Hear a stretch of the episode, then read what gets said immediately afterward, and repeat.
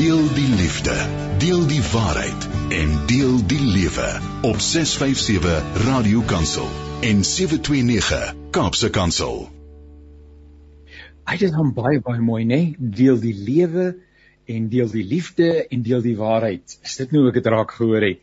Daai pragtige manier waarop Radio Kansel en Kaapse Kansel ook hulle self wil besig hou uh, met die taak wat die Here vir hulle opgedraai het.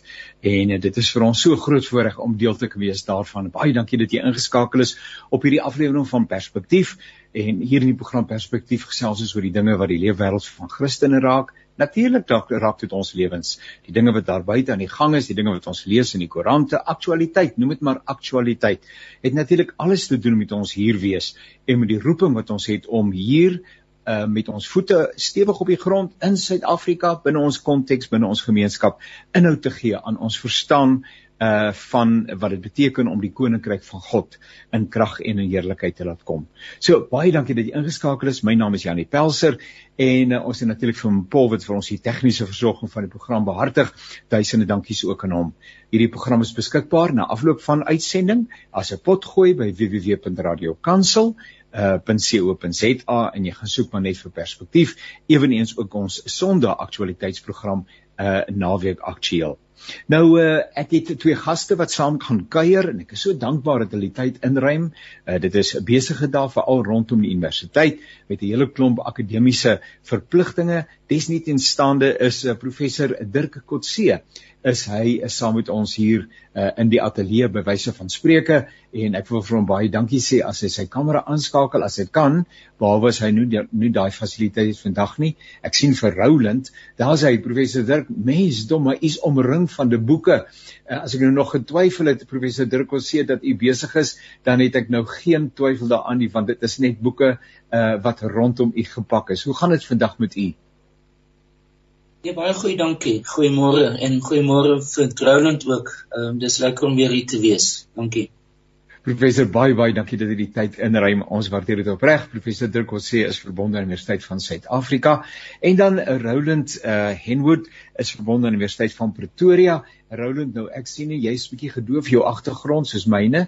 Uh dan sien 'n ou nie altyd alles nie, maar ewenigs vermoed ek akademiese verpligtinge die hou vir julle baie baie besig uh, uh, op hierdie stadium. Goeiemôre, baie dankie. Ja, goeiemôre ook Dirk. Ja, ek dink ons deel maar op die stadium die pyne van die akademie. Dis eksamentyd. Dis vandag by ons die laaste dag van eksamen. So daar's groot druk om alles klaar te maak en punte af te handel. En ek steek maar so 'n bietjie weg met die ver, met die agtergrond wat uitgedof is want dit lyk bietjie woesie in my kantoor. Ek bedoel sê as die myne kan sien, dis ewenigs baie baie mekaar, maar professor Dirk is netjies gedissiplineerd. Alles lê mooi op mekaar en dis meer. Nou kollegas, ons is uh, in Suid-Afrika in die jaar 2022 goed op koers na die einde van hierdie jaar. Die nuwe jaar lê vir ons in wink, maar daar's nog 'n baie groot geleentheid uh, wat geskeduleer is en dit is die 55ste uh, leierskonferensie van die ANC wat binne enkele dae uh, in aanvang moet neem. Nou uh, in die tyd waarin ons lewe en ons het dit dikwels af mekaar gesê met ons kuier gereeld saam kan niks wanneer dit by die politiek kom as van selfsprekend aanvaar word nie. Uh uitkomste is maar hoogstens bespiegelinge van die speelveld die verander bykans van dag tot dag soos wat dit in die afgelope week weer dramaties verander het. En uh dis uh teen daardie agtergrond dat ons 'n bietjie gaan saamkuier oor uh menings en, en gedagtes rondom waarheen ons op pad mag wees, wat tans op die tafel is en uh, hoe dit ons onsself ook in terme van en dit is belangrik vir ons uh luisteraars, uh, hoe dit ons ook hierdie dinge in gebed kan verwoord. Nou dit sê jy nou nie vir ons nie, maar dit kan luisteraars met ander woorde dan gaan interpreteer want gelukkig uh en loof die Here daarvoor kan ons ook bid vir al hierdie dinge, met name die leierskonferensie wat voorlê. Dis tog dat ons dit ook in ons gebedsprogram sal insluit. Maar kom ons begin uh en 'n hartlike uitnodiging dat u sommer so kuier uit die hart uit uh prof uh, Kotse en uh, Roland Hemwood. Die atmosfeer rondom die politiek is vandag in in ons dag uiters gespanne.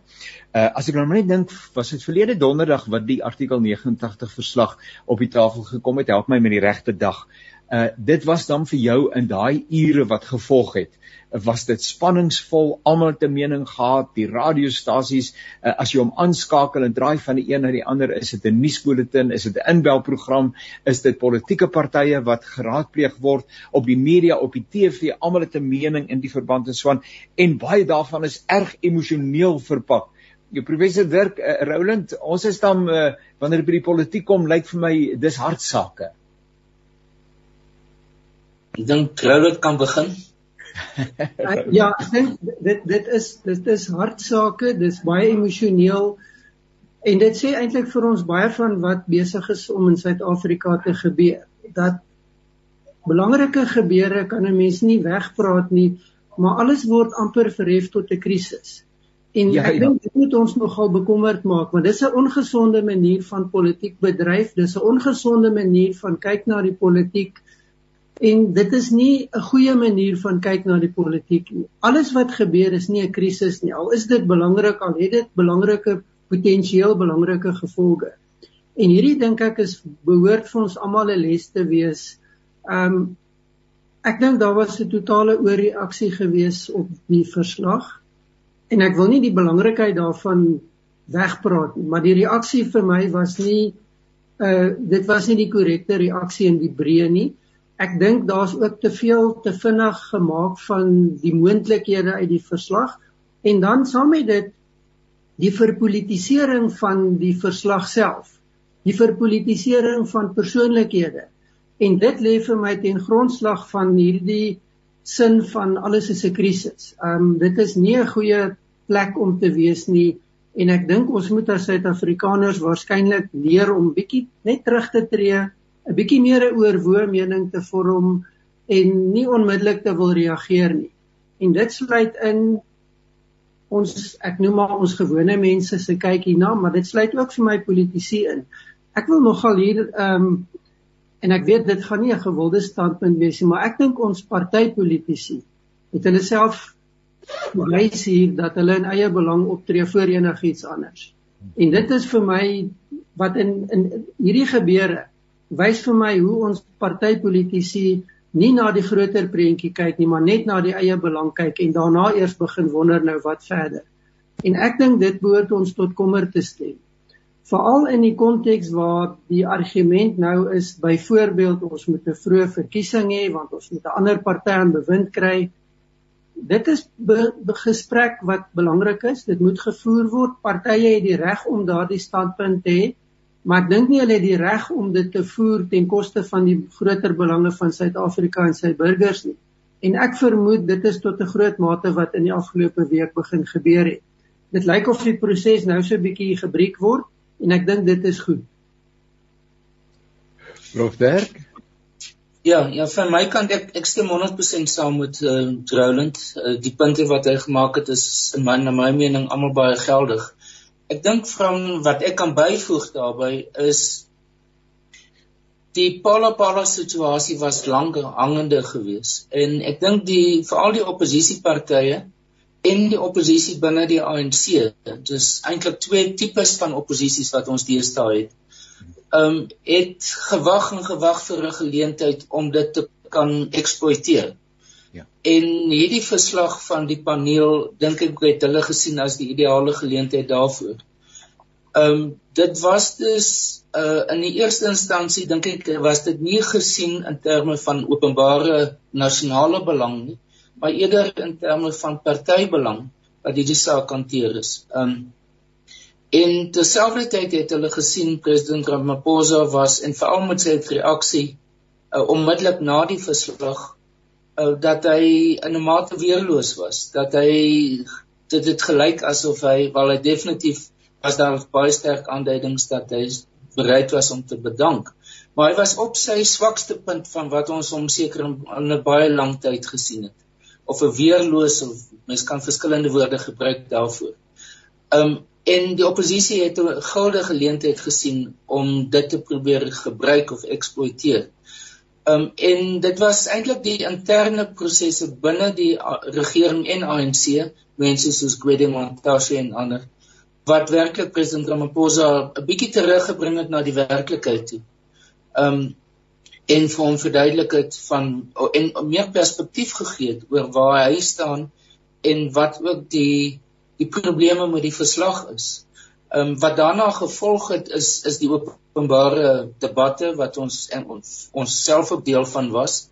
Ehm um, en ek dink dit is in 'n sekere sin 'n baie goeie debat wat plaasgevind het omdat dit die hele kwessie oor wat is die die plek van hierdie uh, paneel, wat is die rol van regsbeginsels in in 'n primêre politieke proses van die impeachment staats 'n uh, uh, uh, status van van uh, vir uh, die president verwyder van sy posisie is in wese 'n politieke proses. Um maar waar die regsdimensies daarvan of die regsopinies te sprake is, um en hoe dit die verhouding tussen die die parlement en die president definieer.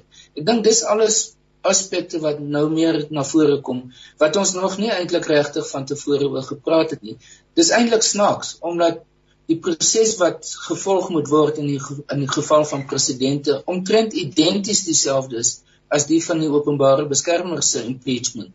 Ehm um, en ons het nie hierdie debat gehad nie. As mense terugdink byvoorbeeld na die tyd toe dieselfde tipe van 'n paneel uh ook so 'n verslag uh voorgelê het aan die parlement, aan die spreker, um het dit baie onkontroversieel plaasgevind. Terwyl hierdie een dit nou baie anders gemaak het. En natuurlik is dit omdat dit die president raak.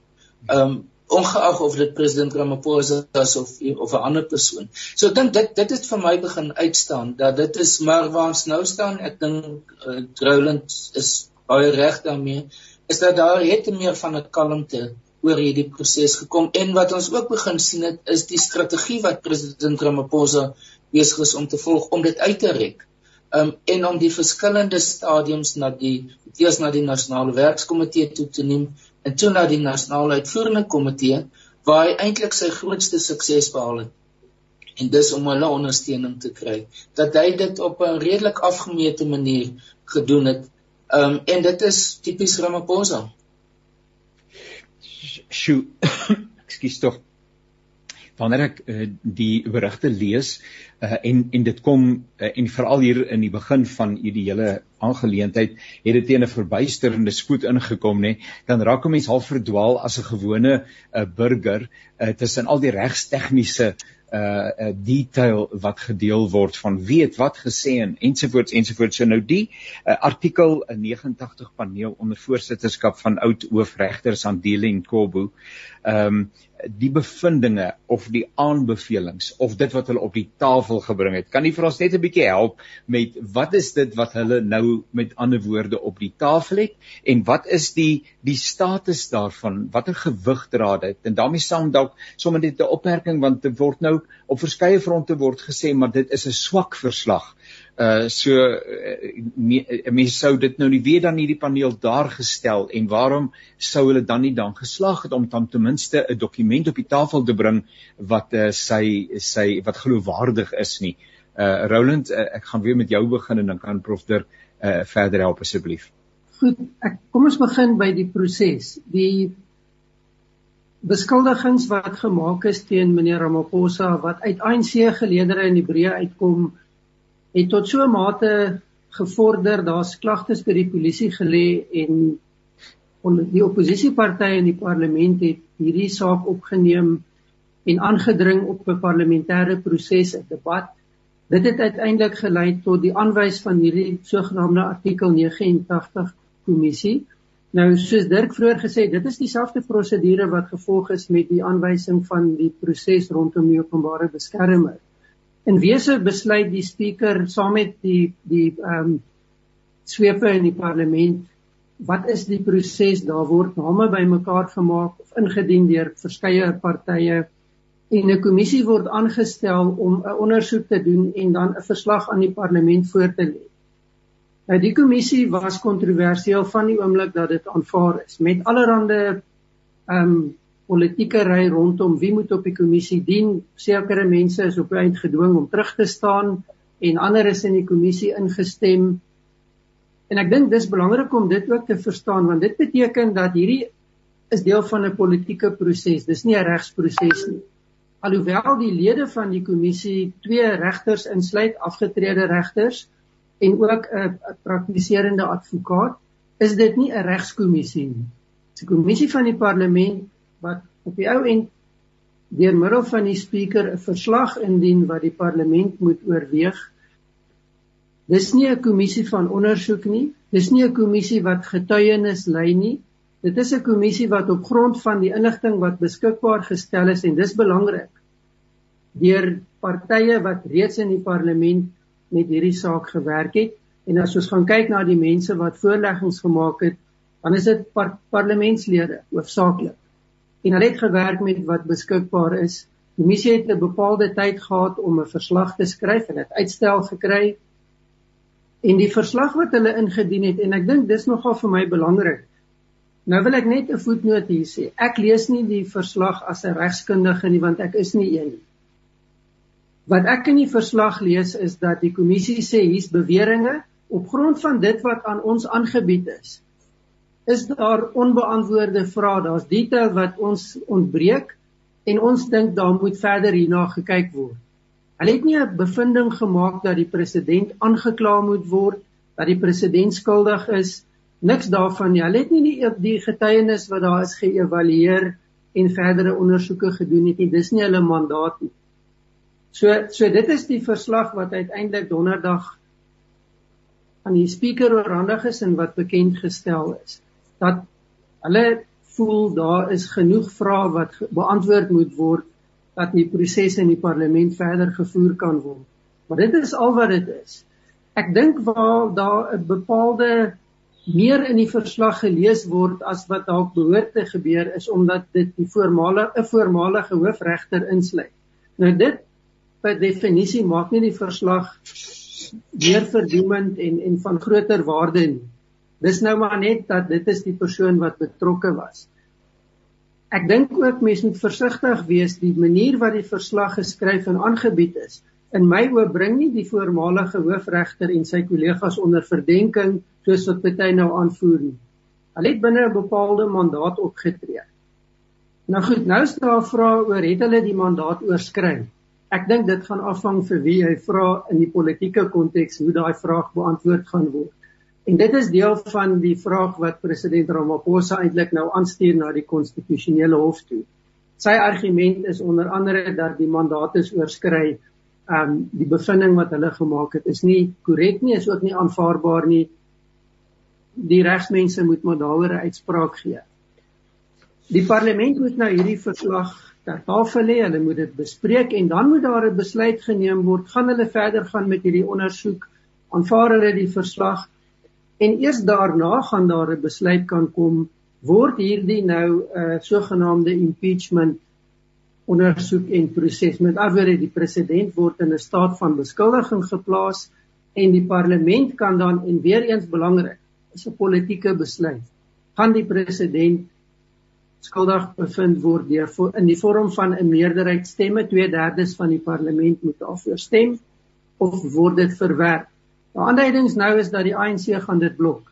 Hulle gaan nie toestemming gee of instem dat hulle president en hulle leier op hierdie manier onthef word nie want die party en dit weet ons histories.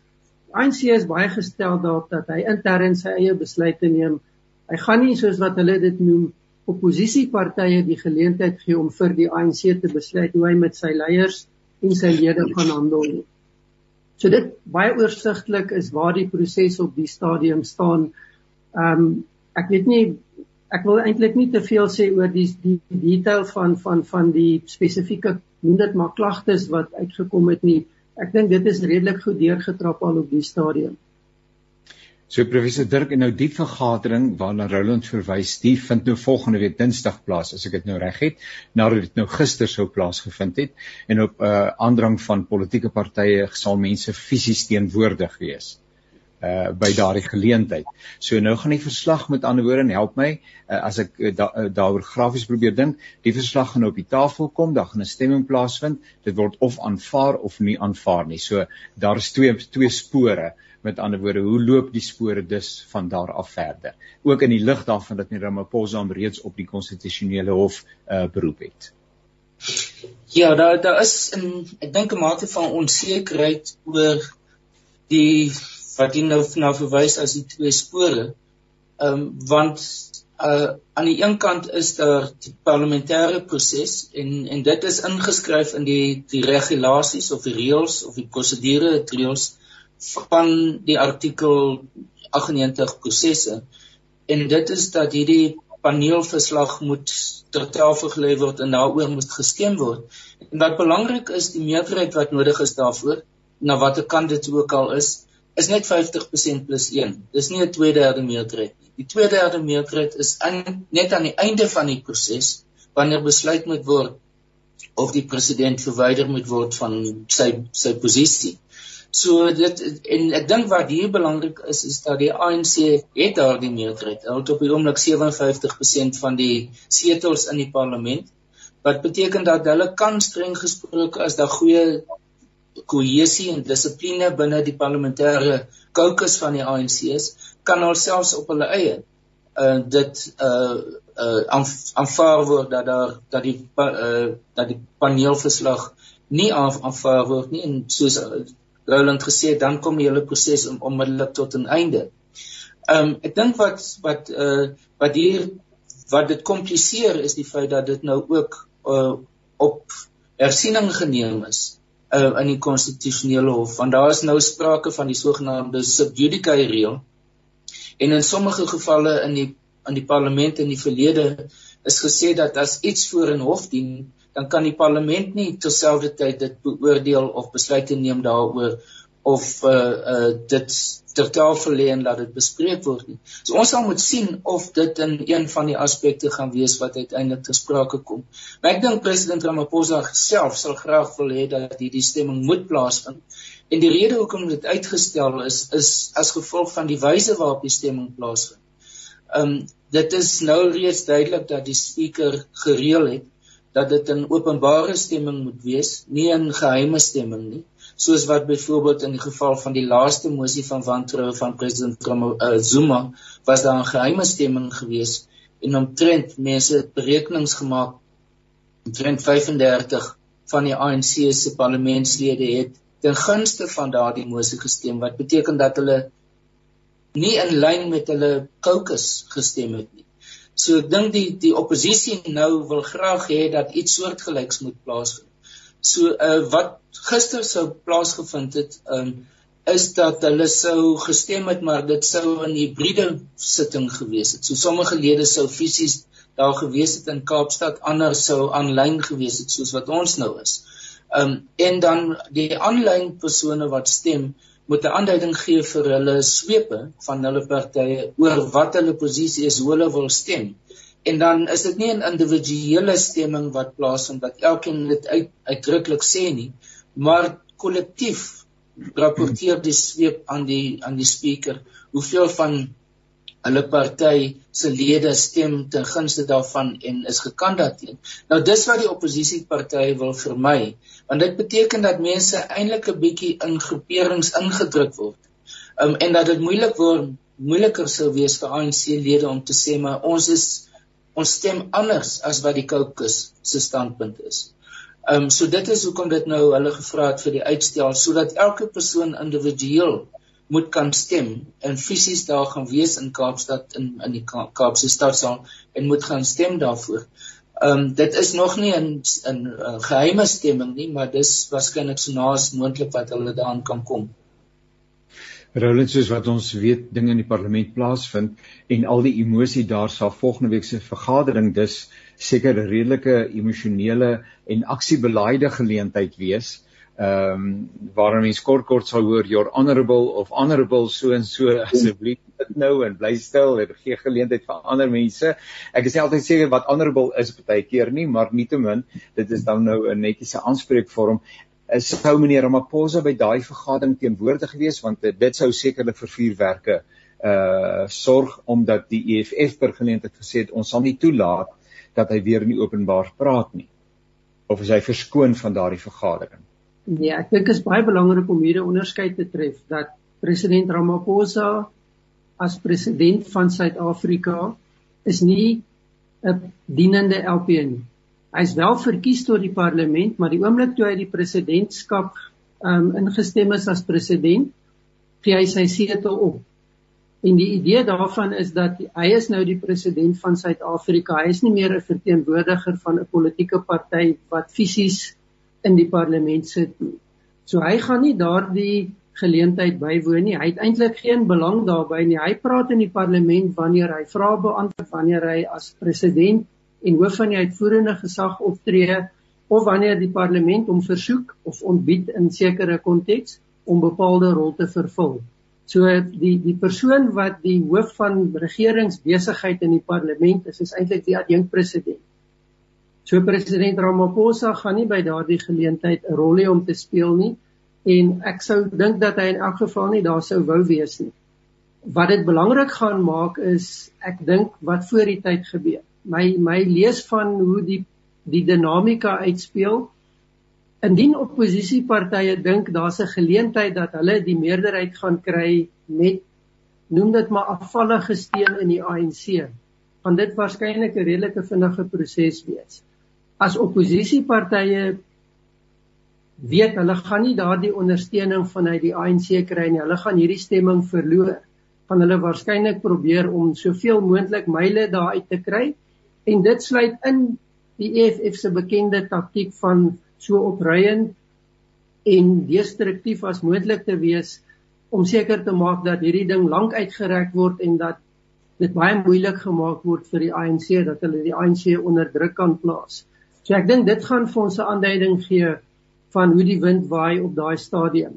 En en die punt wat Dirk vroeër gemaak het is hier belangrik. Ehm um, ons weet dat ons het 'n stelsel waar partydissipline is 'n integrale deel van die parlementêre proses.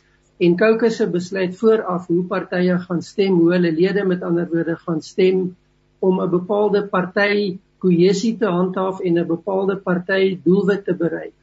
Um die ANC weet ons is diep verdeel, daar's baie konflik en en hierdie gebeure van die afgelope week het bygedra dink ek om daardie konflik weer 'n bietjie aan te vuur omdat mense geleentheid sien vir hulle self. Um Ek dink die die die belangrike dimensie hier is dat daar's 'n besef gewees in die opponente van meneer Ramaphosa dat as hulle enigsins 'n kans wil staan om hom uit te hou uit 'n volgende amp as leier van die ANC en as president te volgende termyn, dan moet hulle hom keer voor hy by die partykongres kom. Um en hierdie was deel van daardie strategie vanuit die ANC en, en ek dink die punt is belangrik. Hierdie het nie gegaan aanvanklik oor goeie regering en aanspreeklikheid van die president nie. Dit het gegaan oor die magstryd binne die ANC. Dis waar hierdie klagtes vandaan kom. En dit is die agtergrond waarteen hierdie proses ook in die parlement gaan uitspeel. So dis hoekom ek dit inbring dat die dinamika voor die tyd gaan die ANC verenig genoeg wees, gaan die beginsel van partydissipline sterk genoeg wees sodat die meerderheid LPs stem soos wat die party besluit het en dit is ons verwerp die verslag en ons stop die proses. Indien daar 'n moontlikheid is dat genoeg mense soos in die verlede teen die party opdrag stem, dan dink ek gaan ons sien hoe dit uitspeel saam met oppositiepartye. So dis nog 'n belangrike paar dae wat voor lê rondom die die besluite van die party om te skakel in die uitvoering van daai besluite om letterlik almal in lyn te kry met wat die partyleierskap wil hê. Professor Dirk, ehm um, is so uh en, en ekskuus as ek nou teoretiseer, probeer net die hele proses mooi verstaan. Ehm um, meneer Ramaphosa se beroep op die konstitusionele hof ehm um, om daai bepaalde uh verslag uh dan nou tersyde te stel. Is dit nie voortydig nie? Uh, moes hy nie eers wag vir die uit, uitslag van die soos die parlement sê, die die uh, verslag is nie is nie aanvaarbaar nie, dan is die saak in elk geval van die tafel af. Ehm uh, hoekom sou hy nie gewag het tot die uitslag daarvan nie?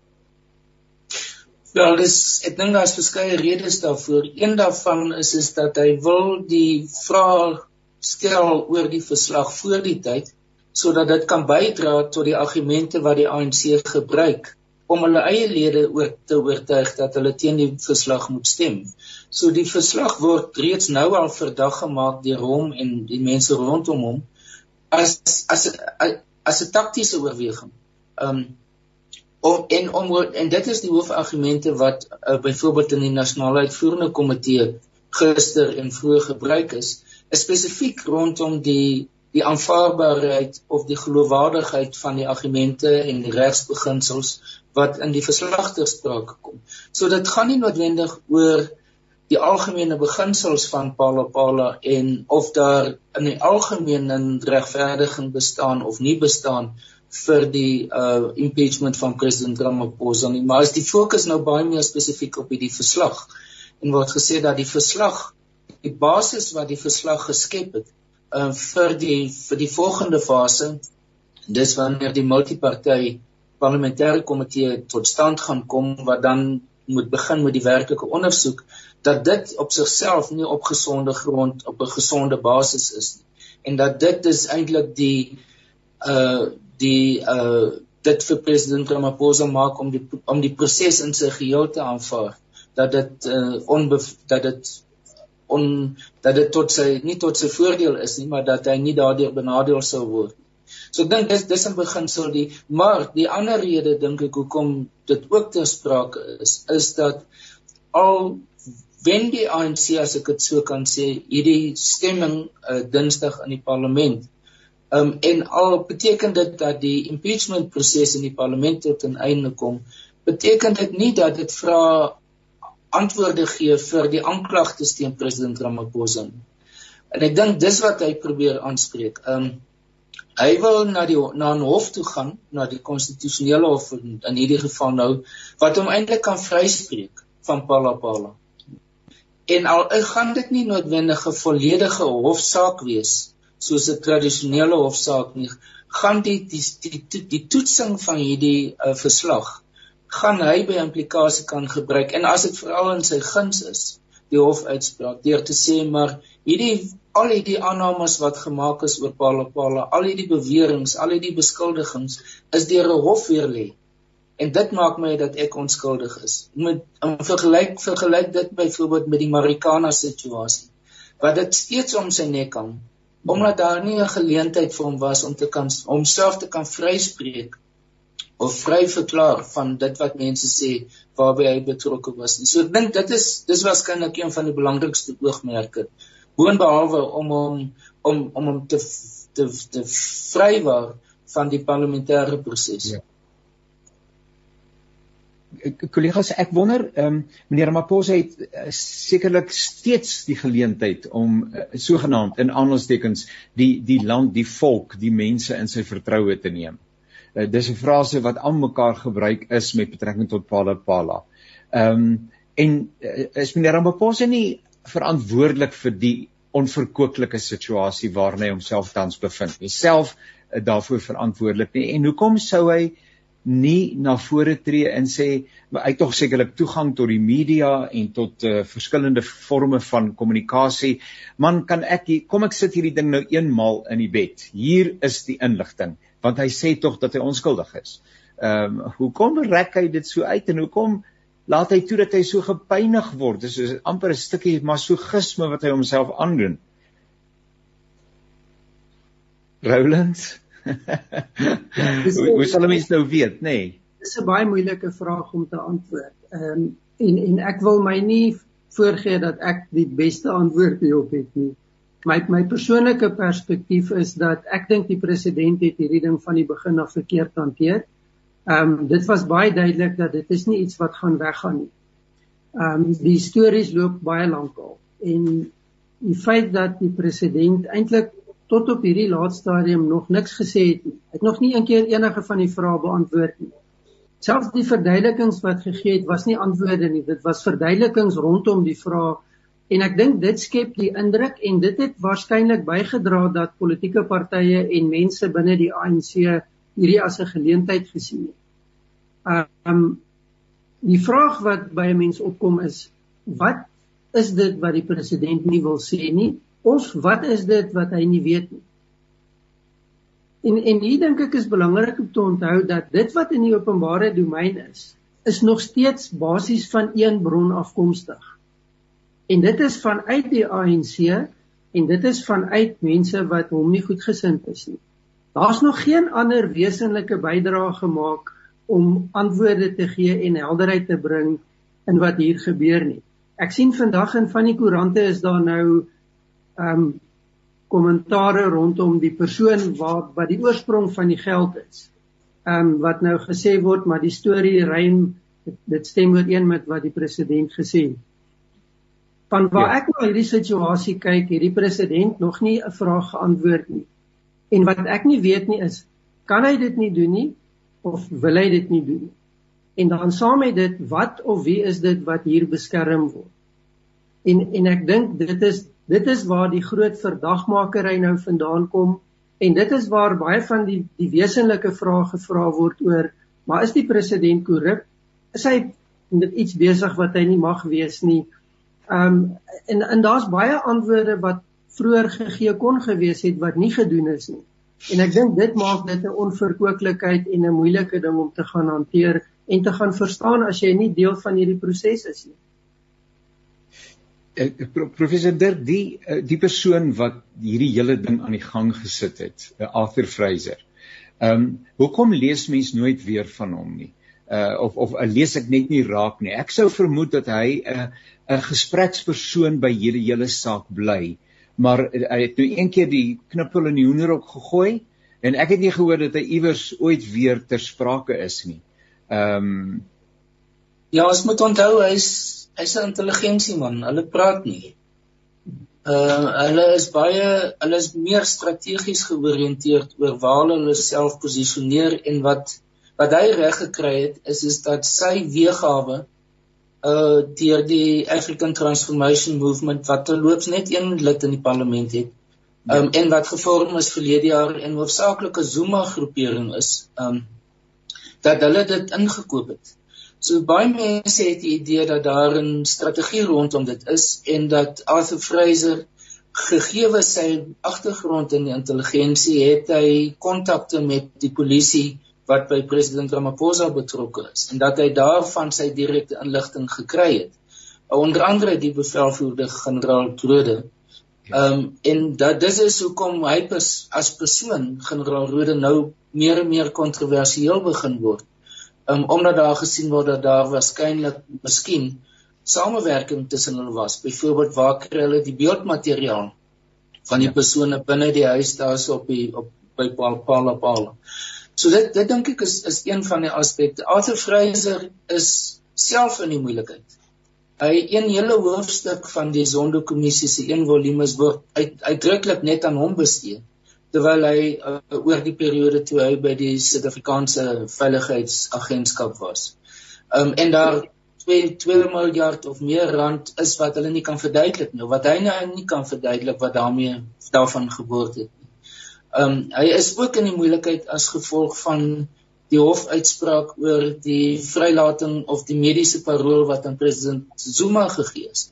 En daar is nou sekere persone wat nou op hulle eie om krimineel aankla of uh, aankla of dat dit 'n saak maak teen hom van 'n kriminele aard as gevolg van die feit dat hy sy pos misbruik het as die nasionale kommissaris van gevangenisdienste. So dat die een manier om na dit te kyk is deur te sê hy gebruik hierdie om hom eintlik self te beskerm, om homself uit die moeilikheid te probeer hou ja dat dit eintlik 'n onderhandelingsmeganisme is is deur te sê ek sal stil bly oor president Ramaphosa maar dan vervolg julle nie vir my nie. Ja. So dit is deel van die ek dink taktik terselfdertyd is hy een van die sleutelfigure van die groter Zuma groepering. Um en ek dink die veral as gevolg van die feit dat die wat vroeër jare die die radikale ekonomiese transformation uh, formation groepering genoem is eintlik baie swak gedoen het in die aanloop na hierdie nasionale konferensie. Hulle was onvoorbereid, hulle het nie op 'n vroeë stadium 'n leiersfiguur geïdentifiseer wat die leiding geneem het in hulle veldtog nie. En hulle besef hulle het hierdie proses eintlik verloor. Ehm um, en ek dink hulle probeer op enige manier nou om president Ramaphosa se herverkiesing as president so moeilik as moontlik te maak, maar op nou baie onkonvensionele maniere. So ek dink dis dis 'n manier hoe ek na hierdie situasie sal kyk en spesifiek die rol van Arthur Fraser. Ek wonder nogal as ek sommer so saam met julle dink, ehm um, uh, oor verlede donderdag uh klaar blyklik toe die staatspresident gevoel het nee wat dit is nou die einde van die pad. Ek ek sien nie meer kans. Ek wil hom amper nie kwaliek neem as hy daarbey sou gekom het nie. Na soveel jaar wat hy homself beywer het om 'n verandering teweeg te bring in in die manier waarop die ANC homself in hierdie wêreld oriënteer, veral met betrekking tot korrupsie. Kom die name van uh die mense wat genomineer is vir die posisies in die nasionale uitvoerende komitee uh op die tafel en dan is van daai siele mense uh wat self uh, uh, uh met betrekking tot korrupsie en en en subversieve optrede uh sterker sprake is wat 'n klomp bagasie met hulle self saamdra. Des nie teenstaande word hulle genomineer vir daai belangrike posisies. Asof asof die hele situasie net daar's net nie insig uh of daar's 'n moetswilligheid. Help vir my as Willie Roland, professor Dirk. Iewers moet moet 'n politieke party tog sê, maar ons kan nie so aangaan nie. En al die tekens is daar dat ons besig is om onsself in die grond in te ploeg. Maar hierdie traject loop hulle met volharding. Ek veralgemeen nou, maar en ek verwys nou spesifiek na meneer eh, Melusi Gigaba wat klaarblyklik 'n baie sterk uh, genomineerde getal stemme het en en dit is 'n persoon wat uh, betrek word by verskeie sake. Uh, Roland, uh, ek een sê ons kan die staatspresident nie kwaliek neem dat hy nou net wel handdoek ingegooi het nie, maar hoe hoe rym hierdie goeters? Dit maak dan nou nie sin nie. Ek dink daar's verskillende maniere om hierna te kyk. Ehm um, En en kom ons kom gekyk bietjie van buite die die ANC net daarna. As ons gaan kyk histories in Suid-Afrika, dan is daar 'n baie sterk fokus op persoonlikhede in ons politiek. En en dit sluit nie net in die die hooffiguur in die vorm van nou die president nie, maar ook ander politieke leiers. En saam met dit sien ons histories 'n baie sterk lojaliteit aan politiek aan politici. Dis en in in die algemene omgang waar ons beweeg is dit baie maklik en jy hoor baie hoe politici veroordeel word en verdoemende uitsprake gemaak word. Maar in die breër konteks van die Suid-Afrikaanse politiek is dit nogal opvallend hoe sterk is lojaliteit aan persoonlikhede. En daar's baie redes daarvoor. Dit dit is nie net die persoonlikheid nie, dis die historiese konteks en dit is die geografiese konteks en so kan 'n mens 'n hele klomp faktore gaan identifiseer. En ek dink ons sien dit uitspeel veral binne 'n party soos die ANC waar die verkiesingskongres baie publisiteit kry en waar hulle hierdie keer en dis belangrik ander prosedures gebruik in terme van benoeming en terme van goedkeuring en 'n vooraf bekendmaking van die lyste. Nie alle politieke partye in Suid-Afrika is so oop hiermee nie en die ANC was in die verlede glad nie oop gewees soos wat hulle nou is nie. Saam met dit is dit in die in die in in in die onlangse gebeure van die Zondo-kommissie waar spesifieke persoonlikhede uitgewys word. So dis alles faktore dink ek wat bydra tot die die aksie op die proses. Die proses self staan vir my in die lig van historiese faktore, die die lojaliteit aan mense, die invloed van persone en en dan dink ek daar's 'n ander belangrike konteks nie een van hierdie mense is al aangekla of skuldig bevind nie. En dit beteken dat dit wat van hulle gesê word selfs in die Zondo-kommissie is nog beweringe. Dis nog nie getoets nie, dis nog nie bewys nie, dis nog nie in 'n proses voltrek waar daar gesê kan word A is skuldig aan die volgende nie. So die partyriglyne geld nie op die stadium nie. Ek kan my nogal indink dat persone soos meneer Galema Motlanthe wat hierdie proses moes bestuur, erg gefrustreerd is dat hierdie name op die lys is en hy kan eintlik niks daaraan doen om hulle op die lys te hê want dis ander faktore wat hulle daar gebring het. Dis die verdeeldheid in die ANC, dis die faksiegevegte in die ANC. Dis alles faktore wat 'n rol speel. En daar kan nie iets aan gedoen word tot die ander parallelle prosedures wat baie stadig beweeg rondom vervolging, aanklagtes en dan die die die regsproses wat sy verloop moet neem. So dit moet frustrerend wees. Um dit kos die ANC want die die die die narratief daar buite is hierdie party is so korrup dat hy homself nie kan losmaak van hierdie mense nie en dis hoekom dit van erg na erger gaan want hierdie gebroedsel bly net mekaar beskerm en mekaar dra en mekaar vorentoe neem. En daar is 'n element van waarheid daarin, maar net 'n element. Dis nie die volledige waarheid nie. En, en dit is wat dit so moeilik maak om te reageer en eintlik te verklaar wat besig is om te gebeur.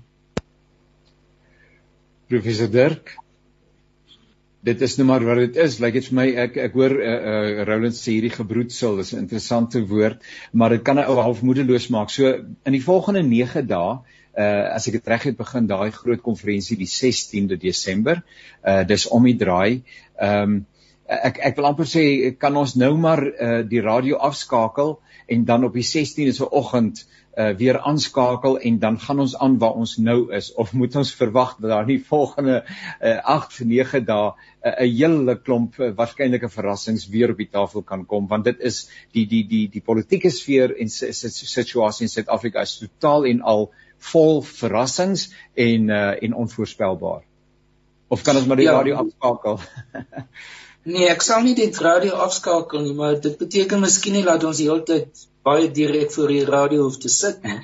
maar maar ek want ek dink die die politieke temperatuur is 'n bietjie besig om af te neem ja. na verlede week. Ehm um, daar was 'n bietjie meer element van realisme wat na wat deurkom op die oomblik.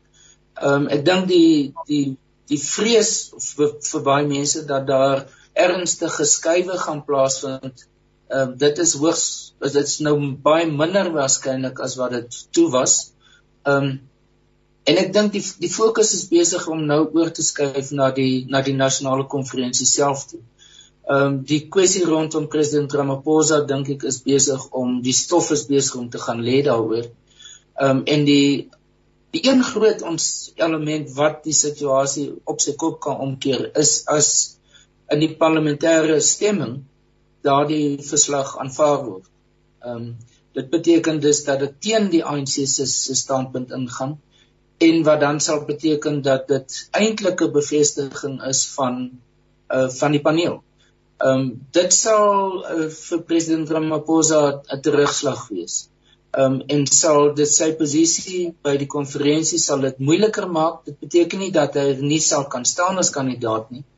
Maar dit gaan hy gaan baie meer moet verduidelik, hy gaan on, onder meer druk wees as wanneer die die uh, ANC se standpunt in die stemming gestand gedoen word en dat en dit sal gesien word as soort van die eerste stap van oorwinning vir hom of as 'n positiewe stap ten minste vir hom. Ehm um, wat by die konferensie gaan self gaan gebeur dink ek is uh, dit lyk asof dit oorheers gaan word deur die verkiesing van die die top 6 en die nasionale uitvoerende komitee wat in 'n sin baie jammer is want daar's baie belangrike werk wat dan op die agtergrond geskuif word en dis die beleid die besluitneming oor beleidsake. Ehm um, dit het in 2017 was dit dieselfde geweest Um, en belangrike sake soos ont, die onteieningsaspek is op 'n baie laat stadium in die middel van die nag omtrent gefinaliseer. Uh, wat beteken dat, dat daar nie dit 'n goed oorwoë standpunt en prosesse was wat gevolg is nie. En dit sou baie jammer wees en eintlik gaan dit ten koste van die ANC ook wees vir 2024 se verkiesing. Want as hulle gaan uit hierdie konferensie gaan uitkom met 'n nuwe stel idees wat onwaarskynlik is, maar as hulle kan, gaan mense kan sê wel miskien moet ons hulle nog 'n kans gee. En miskien is die hervormings of die hernuwingsstrategie van president Ramaphosa nou besig om deur te kom. Maar ek ek dink die moontlikheid daarvoor gegee die dinamika wat 'n mens verwag by die konferensie is dat dit onwaarskynlik gaan wees.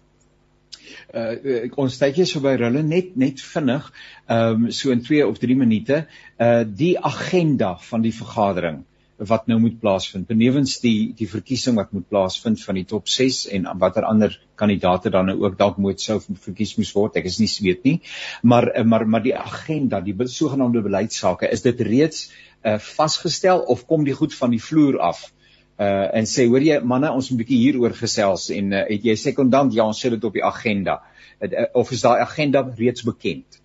Nee, ons moet onthou die ANC het 'n baie lang aanloop tot hierdie want dis nie net 'n verkiesingskonferensie, dis hulle nasionale kongres, dis ook 'n beleidskongres. Ja. So daar's 'n baie lang aanloop en die ANC het al reeds hier in Maart het hulle beleidsdokumentasie gepubliseer wat wyd versprei is wat takke en provinsies en streke moes bespreek bydraes maak, um, aanvullende standpunte en selfs veranderinge voorstel. Dit word alles verwerk en dit word dan gefinaliseer by die beleidskongres. Um ek dink die jammerte is en Dirk het daarna verwys dat die kongres waarskynlik oorheers gaan word deur die verkiesingsbeen.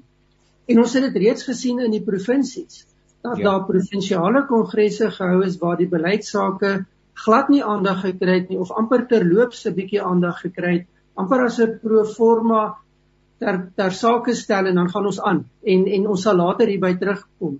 Van die provinsies het glad nie die beleidsaspekte hanteer nie. Hulle sal dit later doen. En en dit sê vir 'n mens dat die fokus skuif na die magstryd en die verkiesing binne die party. En in in die jammer daarvan is dat dit versterk die beeld dat dit gaan vir die ANC net oor sy eie belang, oor niks anders nie. Suid-Afrika word op die agtergrond geskuif. Die die armes waaroor die ANC praat word op die agtergrond geskuif, want ons kyk hier net na watter posisies kan ons in eie belang bekleë. En ek dink dit is een van die groot leemtes op die stadium in die breë in die Suid-Afrikaanse politiek en waarom mense vertroue verloor in wat ons noem die politieke klas is dat die persepsie word al hoe meer bevestig dat dit gaan oor persoonlike belang niks anders nie. Kollegas baie baie dankie professor Dirk Kotse en uh, Roland Henoot ons waardeer u baie dankie vir die tyd wat u op sy gesit het. Die volgende dag gaan interessant wees en um, ons vertrou tog dat iewers daar weer 'n stukkie normaliteit as die woord hoegenaamd om Suid-Afrika van toepassing is, dit dalk sal intree en dat ons daar 'n bietjie kan asem skep. Maar tot dan baie dankie sterkte want u gaan sekerlik in die volgende dae uh, talle kere uh, op die op die op die op die op tapuit staan moet rekenskap gee moet of dan nou liewer moet menings gee, meningsdeel, moet interpreteer en dis meer so daar liever u besige tyd voor. Mag dit met u goed gaan en uh, ook aan ons luisteraars baie dankie vir die inskakel en baie dankie ook weer 'n keer aan Mpo wat vir ons die tegniese versorging moontlik gemaak het. Seënwense vir u en tot 'n volgende keer alles wat mooi is. Baie dankie.